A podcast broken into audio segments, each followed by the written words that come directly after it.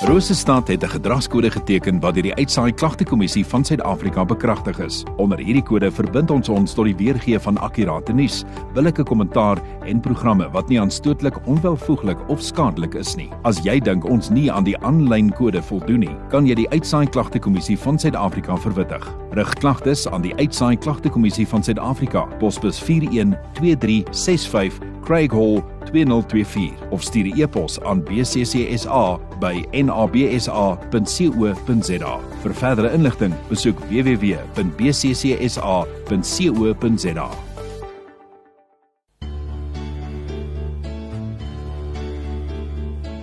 Tyd vir oggendgodsdiens op 100.6 FM weer eens lekker om uh, dan ook net aan jou bekend te stel as jy dalk in die week nog nie geluister het nie pastoor Rian de Bruin en uh, ook van die AGS Siloam gemeente.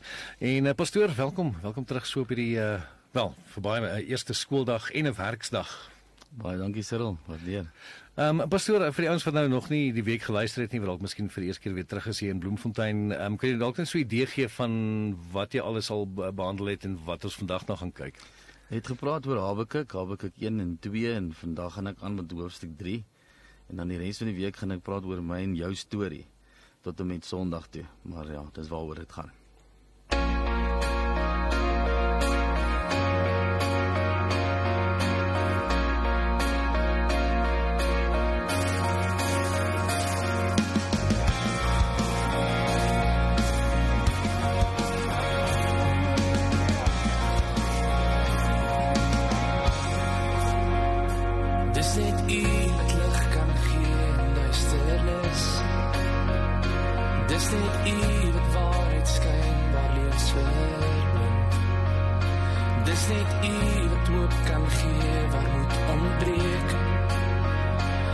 net U wat lewe gee waar dood sal heers. Daarom sal ek leef van U beloftes. Met dankbaarheid in my sal ek bly.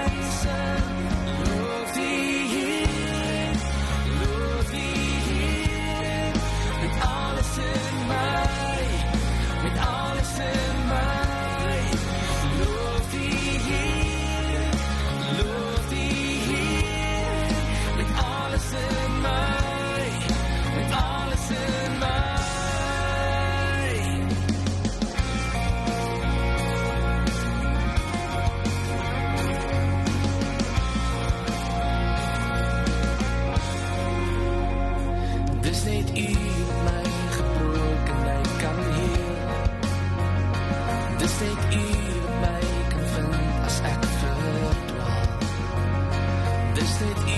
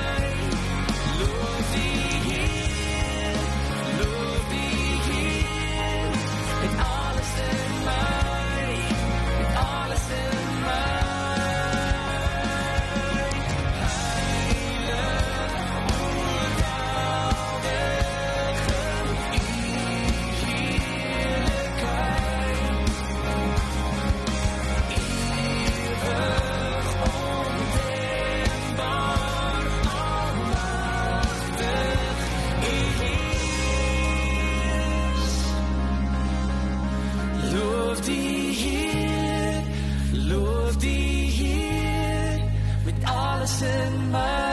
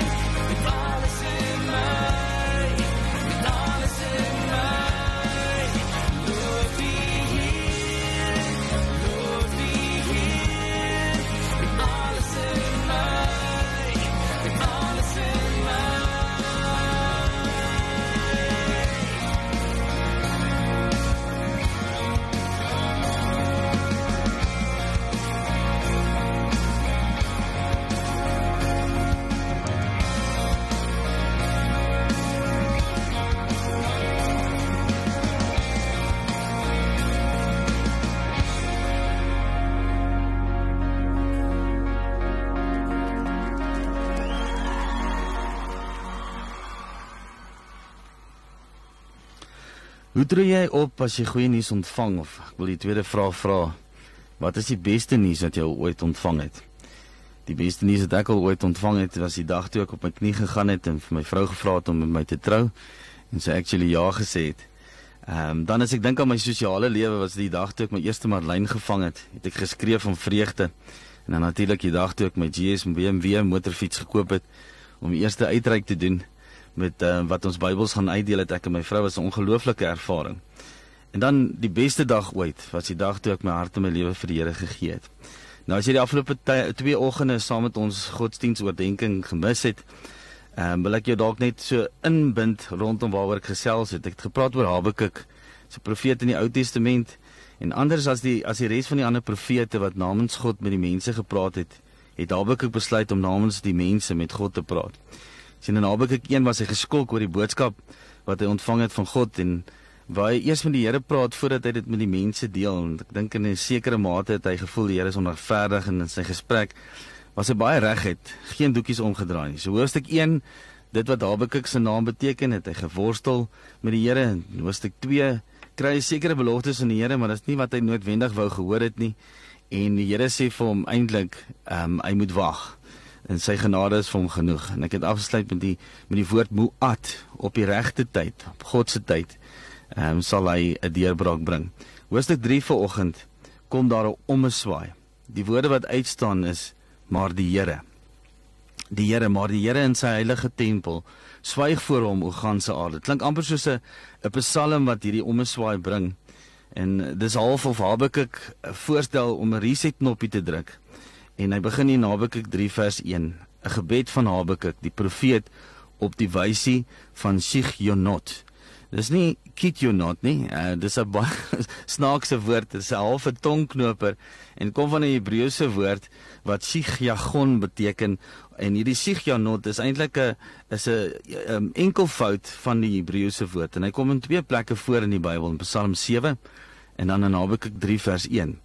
Nou die kenners sê hierdie woord was 'n aanduiding hoe 'n lied gesing moet word. En ek dink in die lig van die kompetisie van Cyril en Ilda en Jana en Enrico, dink ek ons luisteraars moet dalk vir hulle dalk dikteer wat hulle moet sing op die dag wanneer hulle nou die karaoke kompetisie gaan hou.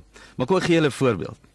Uh ons almal ken die lied Amazing Grace. So as ek jou nou 'n aanduiding moet gee hoe jy die lied moet sing, in musieklike terme sê ons dit gaan in 'n 4/4 of in 'n 6/8. So as jy in 'n 4/4 sing, dan gaan dit 'n celebration wees of dit gaan vreugdevol wees. As jy in 'n 6/8 sing, gaan dit met diep emosie wees.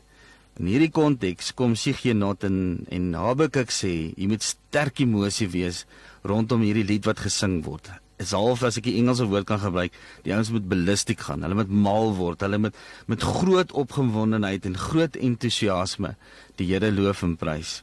Habakuk probeer vir ons hierso 'n les te leer om te sê voor God te kom staan en te sê Here, dalk is die voorsiening nog nie daar nie. Dalk is die deurbraak nog nie daar nie.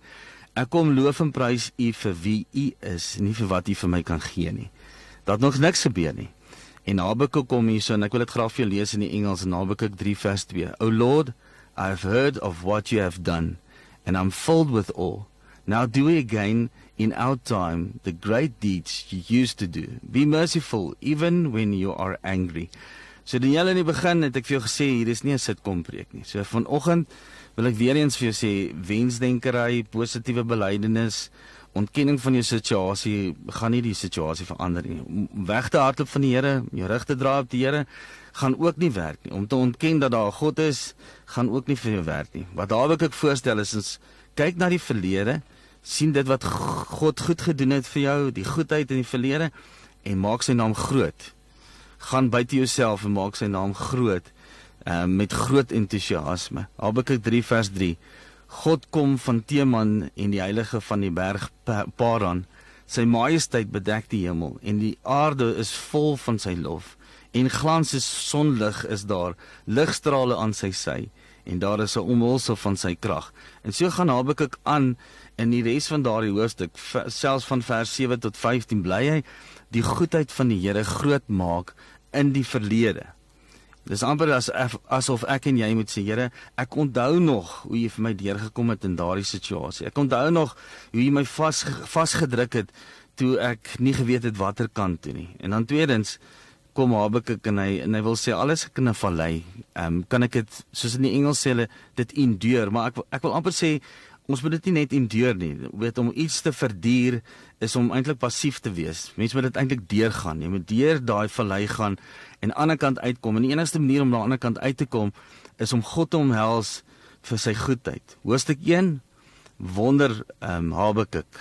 Hy verstaan nie die boodskap nie. Hoofstuk 2 kom hy en, en die Here sê vir hom hy moet wag. En in hoofstuk 3 kom hy en omhels die Here en sê Here, ek wil dit vasgryp wat U in die verlede gedoen het, maar wat ook gaan kom. En dan Habakuk 3 vers 16. Toe ek dit hoor, het my ingewande gebewe. My lippe het getril by die geluid. Bederf het gekom in my gebeente. Ja, ek het gebewe waar ek staan, omdat ek rustig moes wag op die dag van benoudheid dat dit aanbreek vir die volk wat op ons 'n aanval maak. Julle sal onthou, daarna heb ek een het God om 'n belofte gegee dat hy 'n vyand gaan oprig. Maar dan die welbekende gedeelte in Habakuk. Habakuk 3 vers 17. Ek het al soveel mense gehoor hierdie skrifgedeelte aanhaal. Alhoewel die vyeboom nie sal bloei nie en aan die wingerdstokke geen vrug sal wees nie. Die drag van die olyfboom sal teleurstel en die saailande geen voedsel oplewer nie en die klein vee uit die kraal verdwyn en geen beeste in die stalle sal wees nie. Nogtans sal ek jubel in die Here, sal ek juig in die God van my heil. Ek wil afsluit met 'n storie, 'n ware verhaal. My pa het gewerk in die myn vir baie jare lank en op 'n stadium het hy was hy in 'n ongeluk waar 'n klip op sy nek geval het en uh, hy's behandel en gesond geword, maar jare daarna toe hy om by so so 45 was, het hy probleme opgetel met sy nek. Ehm um, die nek het hom begin probleme gee. Dokter toe het gesê hulle gaan 'n visie moet doen op sy nek van die wervels het gekollaps. En ons het begin as familie te bid vir hom en vir die Here te vertrou en daar het niks gebeur nie. Ek sal dit nooit vergeet nie, ek was in matriek, ek moes my lisensie gekry. Ek moes af, afry see toe. Ons het daar 'n destinasie elke jaar toe gegaan. En by die plek het my pa nog steeds verskriklike pyn ervaar. Eerste oggend, tweede oggend, derde oggend kom my pa met 'n gejuig in die woonstel in. Die Here het hom aangeraak.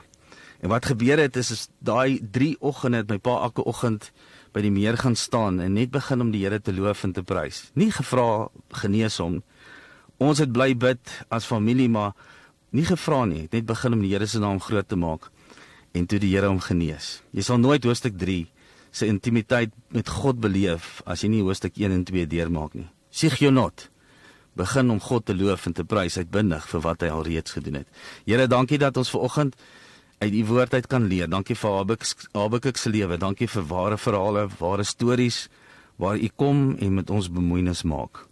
En ver oggend is u dalk mense ingeskakel wat deur 'n moeilike tyd gaan. Ek bid, Here, dat hulle u sal vasgryp dat hulle met U sal om met stoei dat hulle U sal omhels en dat hulle sal onthou van die goeie tye in hulle lewe in Jesus naam. Amen.